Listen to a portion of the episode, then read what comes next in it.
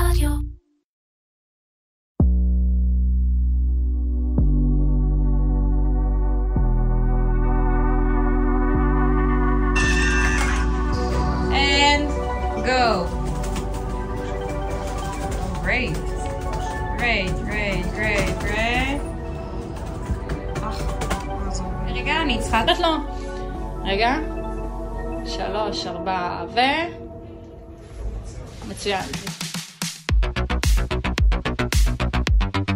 שלום וברוכים הבאים לעונה 7 של קומרסיישן. כן, אני מודה, עשיתי הפסקה קצת ארוכה מדי, אבל היי, הכל לטובה. רוצים לדעת מה עשיתי בזמן הזה?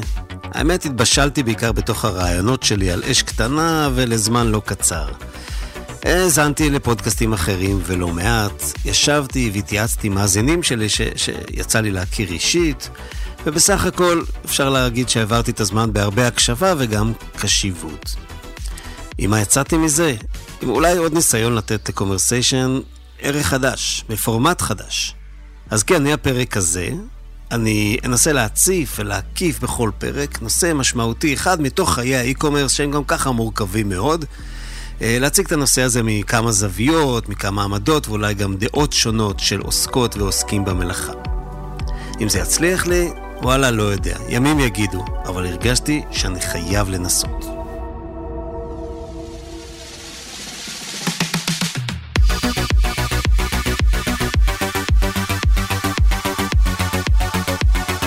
קומרסיישן, מדברים על e-commerce עם תימור גורדון. והפעם, בין קריאייטיב ל e-commerce. עושים כבוד לעונת ה e-commerce 2022. פעם פעם, לפני שנים רבות, הייתי מישהו אחר. די נו, זה לא פרק על מיסטיקה. באמת הייתי מישהו אחר. או לפחות עסקתי במשהו אחר. כמעט 15 שנה עסקתי בפרסום, בקריאייטיב, ב copywriting. למרות שזכיתי בלא מעט פרסים, אני חייב להודות שאיך אומרים, לא הייתי מכוכבי הענף. את מעט היצירתיות שבערה בי לקחתי לעולמות שאתם מכירים. ה e-commerce, הקמעונאות, ה retail, ה commerce. אני גם בונה חנוכיות, אבל זה ממש לא רלוונטי.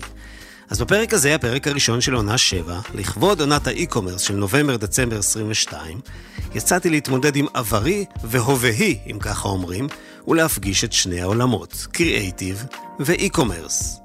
עם שלושה אורחים ואורחת אחד שתכף תשמעו, ניסיתי לברר מה מעמד הקריאייטיב בחיי האי-קומרס. מה קדם למה, היציאה או התוצאה? מהי הסינרגיה בין הצדדים העוסקים במלאכה, אנשי השיווק, הסוכנויות, המדיה?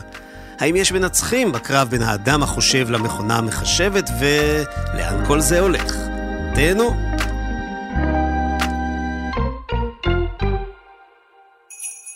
Can you feel the wind changing? It's creative season. Ideate, create, publish, repeat. Ideate, create, publish, repeat. Ideate, create, publish. זה היה הג'ינגל לשבוע קריאייטיב שמתה, נו, פייסבוק, ערכה לכבוד חגי האי-קומרס הבאים עלינו לטובה. וואו, זה שבוע סופר אה, מרגש, סוג של ספרינט שאנחנו בעצם אה, רצים יום אחרי יום, כל יום מגיעים לפה ארבעה לקוחות. אנחנו יחד איתם בעצם אה, מעבירים להם ידע על רילס, שזו הזדמנות מאוד גדולה עכשיו על הפלטפורמה, ובעצם אה, הבאנו לפה אה, חברת הפקה, את גלר, וקריאייטוריות מדהימות, ואפילו איש סאונד. אה, אנחנו מתחילים את היום הזה באיזשהו וורקשופ שאנחנו מפצחים בריף שהלקוח בא איתו, וכל לקוח יוצא מפה בעצם עם ארבעה סרטים מופקים, שבסוף היום עולים לפלטפורמה. אה, זה מרתון מטורף, זה באמת כאילו לקחת אה, את הפקה כמו שהכרנו עד היום, ולעשות אותה אחרת לגמרי. ולקריאייטיב על סטרואידים הזה אחראי יואב, מנהל הקריאייטיב במטא. אז אה, יואב גתי, מנהל קריאייטיב במטא, אה, שייך למחלקה שקוראים לה קריאייטיב שופ, זו בעצם מחלקה גלובלית אה, של אנשי קריאייטיב מוכשרים מכל מיני אה, תחומים. ייעוץ, איך בעצם אה, למקסם את הביצועים שלהם על הפלטפורמה, איך להגיע ליעדים שלהם. וזה מתחבר גם ל vision של המשרד בעצם. אנחנו רואים את עצמנו כסוג של uh, גשר, שעוזר בעצם לסטארט-אפים, ללקוחות e-com, uh, למקסם את הפוטנציאל שלהם להגיע ליעדים שלהם. אה, דרך קריאייטיב. רגע, מטא, פייסבוק, אינסטגרם, זו מדיה. הם מתפרנסים מלמכור מדיה. מה להם ולקריאייטיב של הלקוחות? אז קריאייטיב בעצם אה, במטא זה הכלי הכי חזק שיש היום ללקוחות כדי להגשים את היעדים שלהם, אוקיי? אם אני עכשיו סטארט-אפ חדש שהקים אה, אפליקציה או פיתח אה, איזשהו שירות ואני רוצה להגיע ללקוחות עכשיו בארצות הברית, דרך קריאייטיב אני יכול להגיע לקהלי היעד שלי. אז uh, זה בעצם הדרך להגשים את היעדים, להגיע ל-KPIs, אה, וזה גם סוג של black box, או סוג של uh, משהו שהרבה לקוחות לא בהכרח יודעים לעשות לבד עם עצמם, וכאן נכנס, אני חושב, השירות של המשרד הזה, שבאמת כאן כדי להביא את הלקוחות שלנו לצמיחה והצלחה, ואם זה דרך קריאייטיב או דרך... כל מיני שירותים אחרים, ככה אנחנו עושים את זה. Mm, שירותי הקריאיטיב של מטא לא מתאימים לכל לקוח, כלומר, הם לא משרד פרסום או, או סוכנות קריאיטיב. בסוף צריך להבין שלקוח שעובד איתנו, זה לקוחות שהם מה שנקרא always on, או לקוח שהוא מפרסם כל הזמן.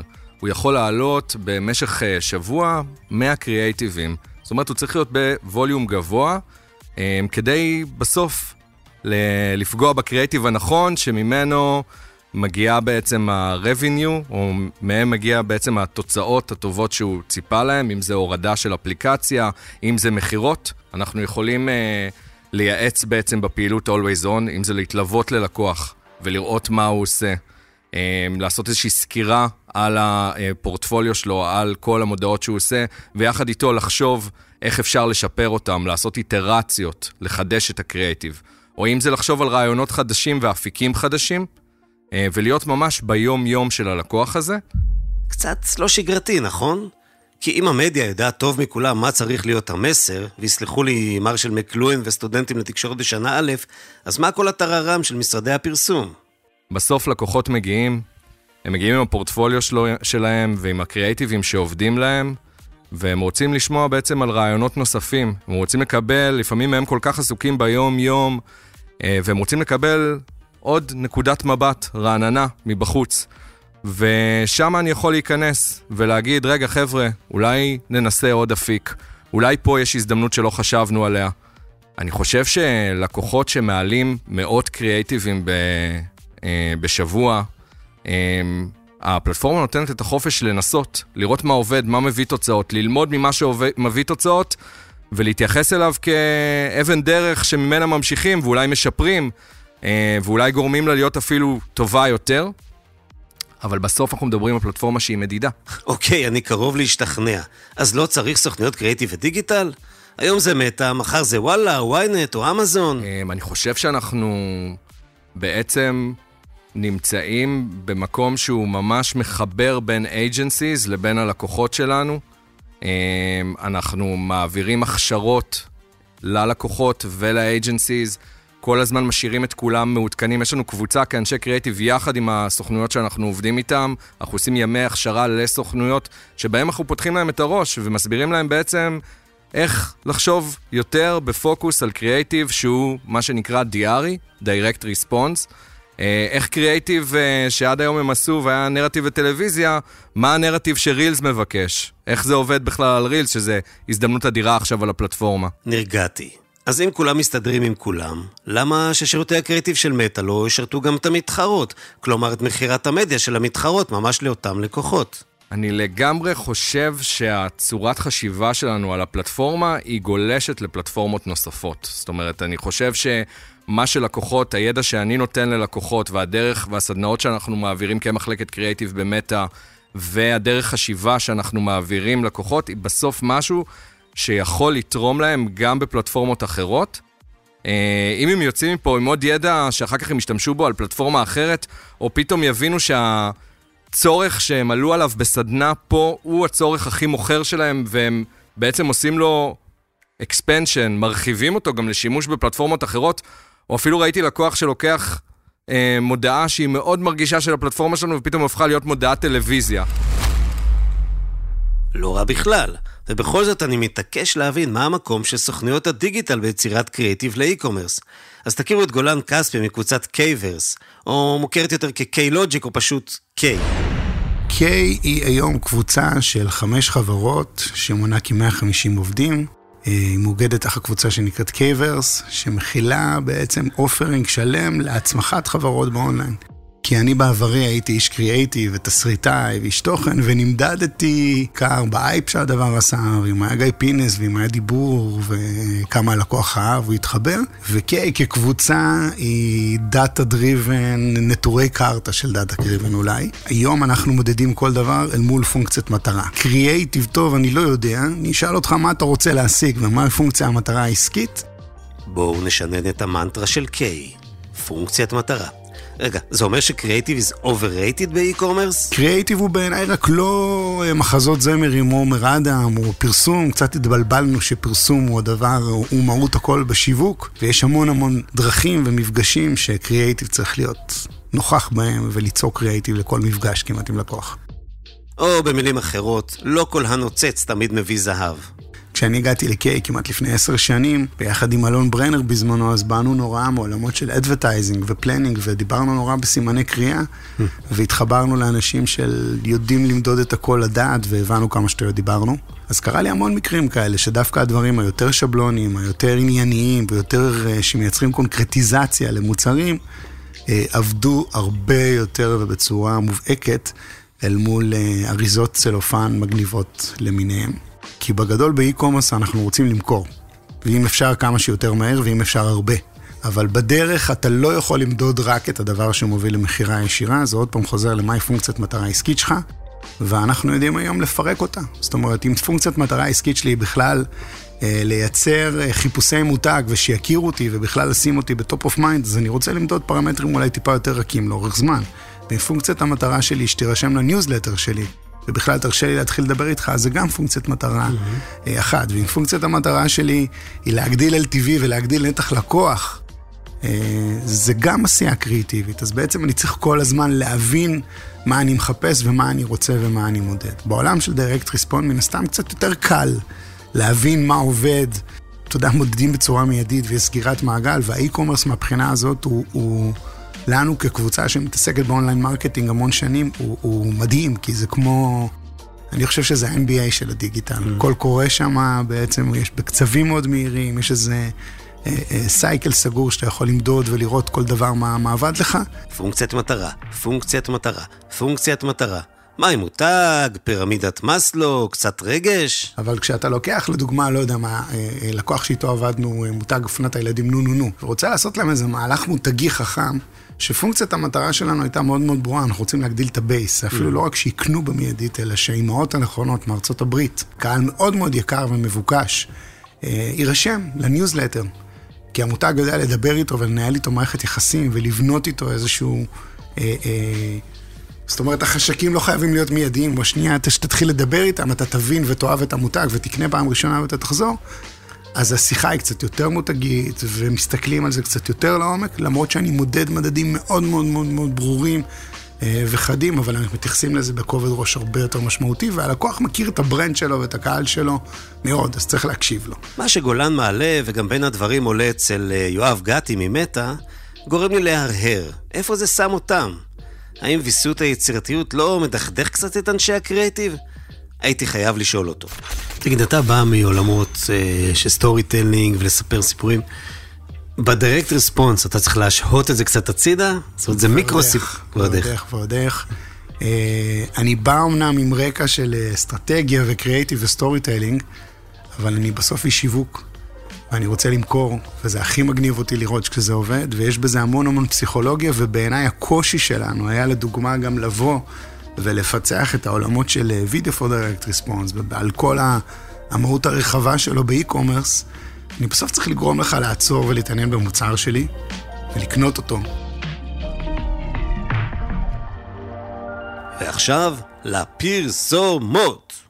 משפחה זה הרבה דברים. קל זה לא. אז לפחות שהשופינג למשפחה יהיה קל. בדיוק בשביל זה עזריאלי קום התחדשו באתר נוח יותר ובמבצעים שמותאמים בול למשפחה. עזריאלי קום, בדיוק מה שהמשפחה צריכה. אנחנו עזריאלי קום כפלטפורמה, הרבה פעמים מוכרים מוצרים שגם המתחרים שלנו מוכרים.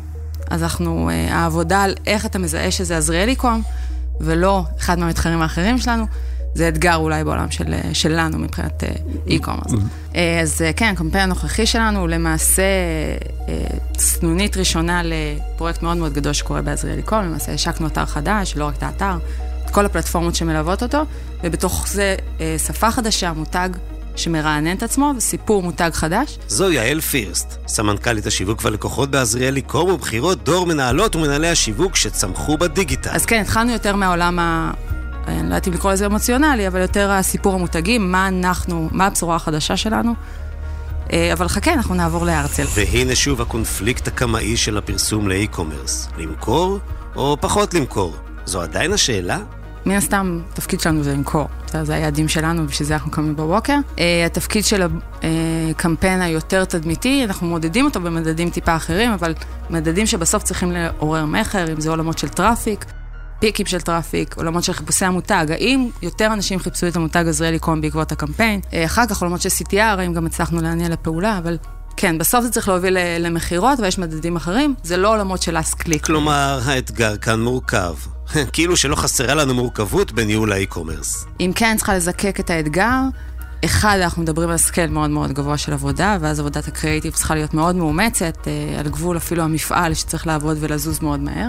אנחנו עובדים עם הרבה כלים אוטומטיים, ואז הכלים האוטומטיים מכתיבים לנו את הקריאיטיב. אז אני חושבת שכן צריך לתת משהו למותג. שוב, אני חוזרת לזה שאנחנו לא תמיד מוכרים את מוצרים של עזריאלי קום, אנחנו מוצרים, מוכרים הרבה פעמים מוצרים של מותגים אחרים, ואז המעטפת חייבת להיות מעטפת של עזריאלי קום, בבליץ אחד, בסווינג אחד של הפייסבוק. בן אדם צריך לזהות שהוא ראה עזריאלי קום, שהמוצר שהוא ראה במחיר טוב, עם משלוח חינם, עם כל הפרמטרים של ה retail, צריך להבין שהוא ראה את זה בעזריאלי קום, גם אם לא יקליק עכשיו, כדי לדע, לדעת לחפש את זה אחר כך בפלטפורמה.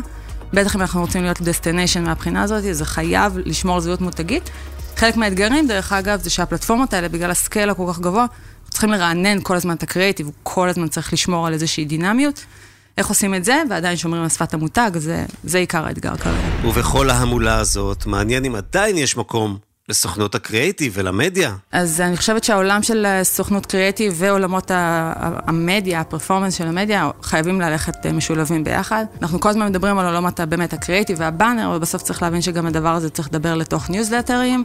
אס.אם.אסים, push notification, ועוד הדבר החשוב ביותר הוא האתר עצמו. בסדר שגם האתר עצמו מחזיק קריאיטיב שמתרענן כל הזמן. כן, עולמות המדיה, גם סוכנות המדיה וגם סוכנות הקריאיטיב, תפקידן לעבוד ביחד ככל שניתן יותר טוב. לבדוק את הדברים, לראות מה עובד, שאנשי הקריאיטיב ידעו בסוף לאן הלכו הקריאיטיבים שהם עשו, איך הם עבדו, מה הם מייצרים, החיבור הזה של התוצאות. אה, עושה עבודה מאוד מאוד טובה בלשכלל את הקריאיטיב לפעם הבאה, לדעת בסוף, כמו שאתה אומר, מה, מה יעבוד ומה לא. וכשאני שומע את יעל, מסקרן אותי איך היא תופסת את הפוזיציה הלא שגרתית של מטא. כמו שהציג אותה יואב ממש לפני כמה דקות. קודם כל, אני חושבת שהמדיה עצמה באמת uh, מכירה הכי טוב את, המד... את הפלטפורמה שהם עובדים בה, הם יודעים, הם רואים הרבה קריאיטיבים שהם עובדים על הפלטפורמה שלהם, ולכן יש להם הרבה ניסיון להעביר לנו. Uh, אני כן מאמינה בלקבל מהם אינפוטים, ובסוף לבחון אותם, לבחון אותם מול מה שחשבנו ש... שיעבוד. Uh, כן, אנחנו שמחים לשמוע אינפוטים מהם, מהאג'נסי שלנו, או לצורך העניין מכל בן אדם. שנמצא ברחוב ויש לו מה להגיד. בסדר? צריך לנסות את זה בסוף. אז אם אתם עכשיו ברחוב ויש לכם מה להגיד, פשוט תגידו. או תשלחו מייל ליעל. אני מכיר אותה, תתייחס גם לזה בשיא הרצינות. אני כן מאמינה, דרך אגב, בשפה יחסית קורקטית ופחות גימיקים ודברים כאלה, כי בסוף אין זמן ללקוח להכיל הרבה פעמים את הגימיקים השיווקים, לדעתי. וזה כן? גם את. וזה גם אני. אז למדנו לא מעט על הזוויות המעניינות של המדיה, של הסוכנויות ושל הלקוחה. עכשיו הגיע הרגע הזה בפרק בו אני ממליץ לכם למזוג כוס יין אדום, להתיישב על הספה מול האח המבוארת ולהזין לתפיסה מעט שונה. אנחנו יודעים שככל שיש הלימה בין מה שארגון נותן לבין מה שאדם רוצה לקבל, ככה ההצלחה תהיה גבוהה יותר. ואז זה מצריך מאיתנו מאמץ אחר אולי. מזה שאנחנו מקיימים בשוטף. זה ניסן גרייזל, קולגה שלי ב-EY. ניסן הוא ראש תחום חדשנות וחוויית לקוח בחטיבת הייעוץ של EY. שבדרך כלל המאמצים שהם נגיד יותר שכיחים היום זה מאמצים של שיווק, של מה שאנחנו קוראים לו יצירת demand, ושם הולכים מאמצים מאוד גדולים ומשאבים מאוד גדולים של ארגון. כשאנחנו כן מזהים היום חד משמעית שיפט לעולם של הבנה של האנשים, זאת אומרת יכולות של מחקר, יצירה של תובנות, לנסות ולהבין איפה אני כארגון, איפה הצעת הערך שלי פוגשת את האדם, את האיש או האישה בקצה, ובעצם זאת נקודת המוצא שלי כשאני מחליט איך לגשת אליו, איך אני מייצר תהליך של, אה, של שיווק, go to market, אה, מסרים כאלה ואחרים. זאת אומרת, הפוזיציה הופכת להיות כזו שהיא ממקום שמקדש את ה offering, את ה proposition, למקום שהופך להיות הרבה יותר סקרן והרבה יותר מתאמץ לנסות ולמצוא את הבן אדם, לפגוש אותו איפה שהוא נמצא היום. ניסן מביא את הזווית הפסיכולוגית של האינטראקציות עליהן דיברנו לאורך כל הפרק. בין מוכר לקונה, בין מותג לשופרית. שאלתי אותו אם בהתפזר כל האבק, הממבו והג'מבו, מה שנשאר זו פשטות? אני חושב שכשאתה אומר פשטות, אז, אז לאנשים יש איזושהי תמונה של אה, ניקוי של יצירתיות ו, ו, ולהגיע למקומות מאוד מאוד בסיסיים. כדי ללכת למקום מאוד מאוד בסיסי אתה צריך להיות מאוד יצירתי. צורך שלנו לגלות את הנבחים הפנימיים, הנבחים הכי בסיסיים, את הדברים הכי קמאיים שאני רוצה להתחבר אליהם ולהפוך אותו לדבר הכי מדויק והכי פשוט. אני חושב ששם נדרש קריאיטיב מאוד מאוד מדויק, שהעבודה עליו היא מאוד קשה. קל תמיד לזרוק סיסמאות, אה, לקפוץ עם הדבר הראשון שעולה לך בראש, המקום הטריוויאלי, הבנאלי, אבל כדי, כדי באמת לנקות עודפות מרעיון, מתהליך, מממשק, מחוויה, ולייצר משהו שהוא אפקטיבי, הוא באמת בבסיס של הדבר פוגש אותי במקום שבו אני צריך, זה מאמץ מאוד גדול. הדברים שניסן אומר גרמו לי לחשוב. למה אנחנו כקונים נמשכים יותר? לגירויים חדשים או למוכר והטוב? ואולי בעולמנו הדיאלקטי, גם וגם? אני חושב שאנחנו צריכים בעיקר להתחבר לאיזושהי הוויה אנושית. זאת אומרת, אנחנו גם כאנשים, אנחנו מאוד אוהבים יפה וחדש ומרענן, אבל באותה מידה אנחנו גם מחפשים את היציב ואת המוכר ואת הצפוי. ואני חושב שהחלק היותר אה, מורכב זה למצוא את, אה, את הבלנס בין שני הקצוות האלה. כי מצד אחד אתה יכול בהחלט ללכת לנקודת קיצון, שראינו כל מיני דוגמאות מזה בעבר, שבהם יש תחלופה מאוד גבוהה, והריגוש הופך להיות אה, הדבר העיקרי שסביבו אנחנו בונים איזשהו תהליך. אנחנו יודעים שהדבר הזה יש אימפקט גם אה, פסיכולוגי, קוגניטיבי, בצד של, ה, של הלקוחות, של המשתמשים, שהוא לאו דווקא חיובי. זאת אומרת, כן יש איזושהי חרדה שנוצרת, איזושהי תחושה של חוסר אוריינטציה, וזה בהחלט פוגם בדברים. אז אנחנו כן צריכים תמיד לחפש את הפיין ליין בין, בין הדבר החדש שאנחנו רוצים אה, להציג לשוק, לאנשים.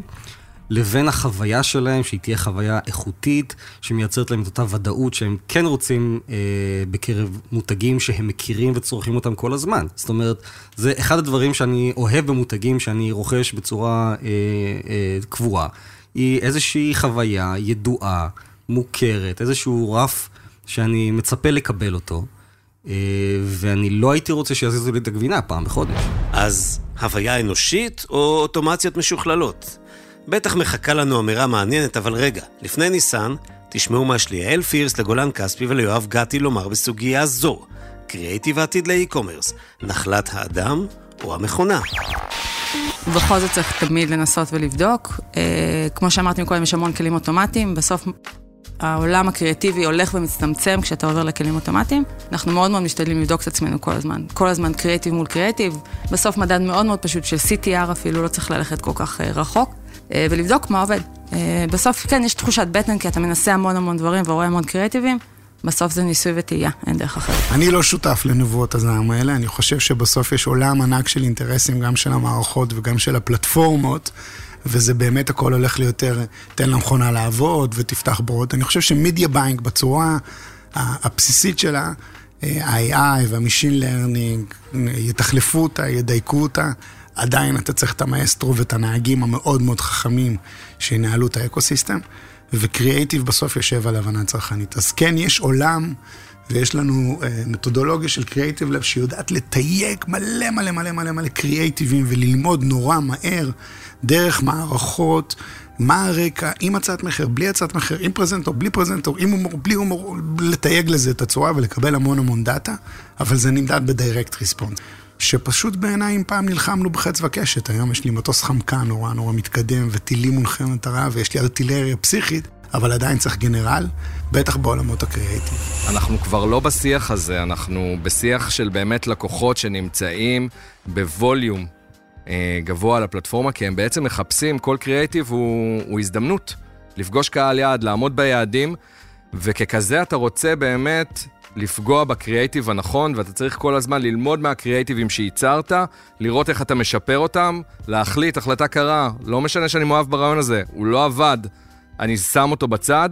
פה ברעיון הזה משהו כן עבד, בוא נראה איך משכללים אותו. ניסן רואה את הדברים, כמו תמיד, בצורה מורכבת. אני חושב שאנחנו נראה כנראה כמה דוגמאות שקורות באותו זמן, באותה, באותה תקופה. זאת אומרת, יהיו כל מיני גופים שינקטו כל מיני uh, פרקטיקות. אז כן, אני חושב שהמקום שבו הבינה המלאכותית תהיה הכוח המניע שלומד אותי על בסיס דאטה ומייצר לי אינסייטים uh, ו...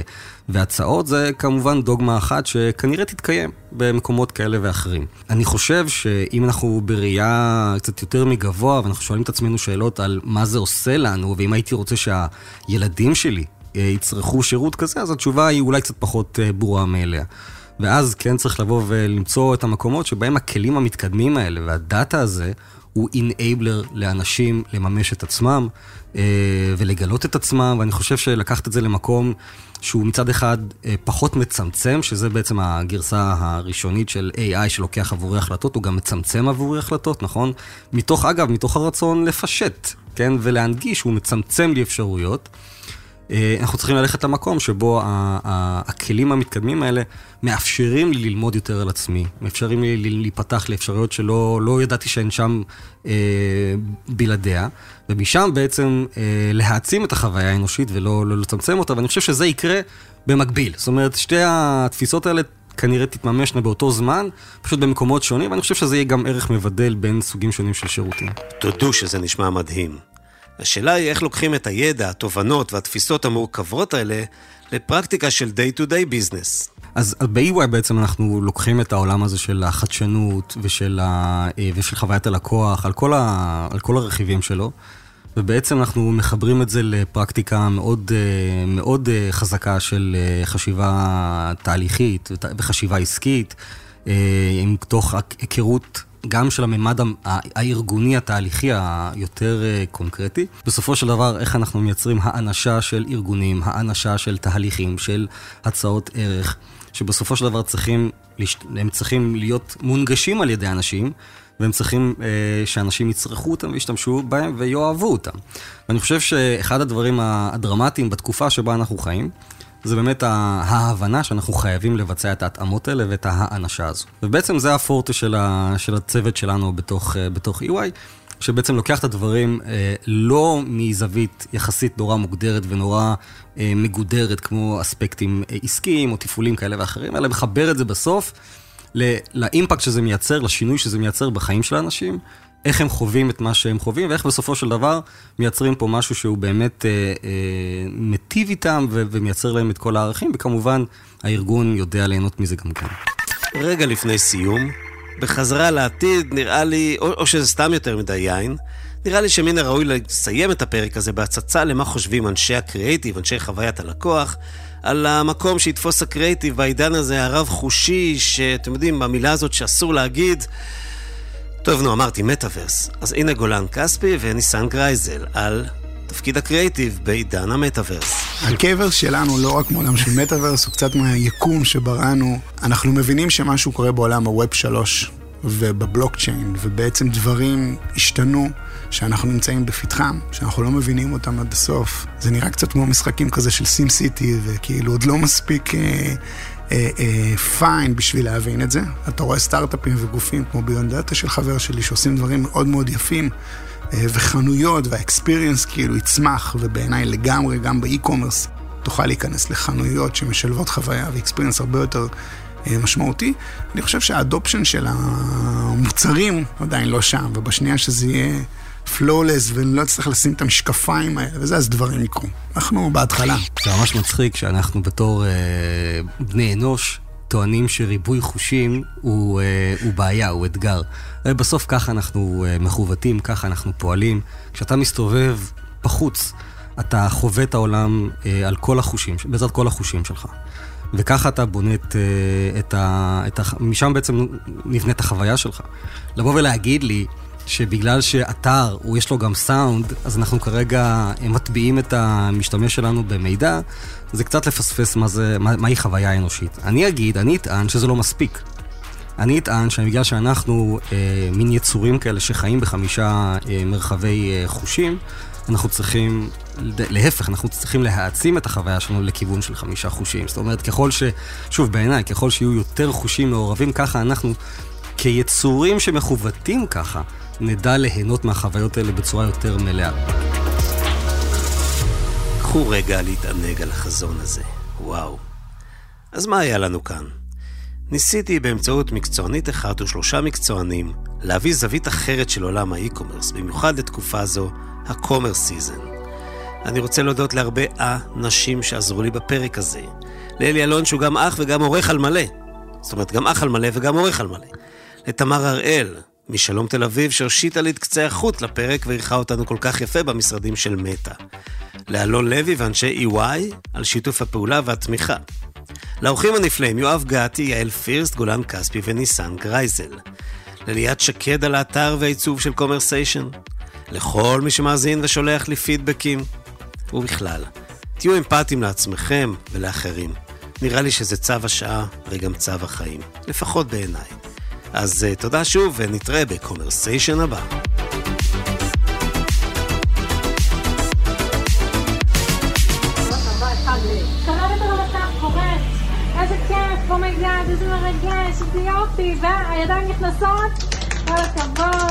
קומרסיישן עם תימור גורדון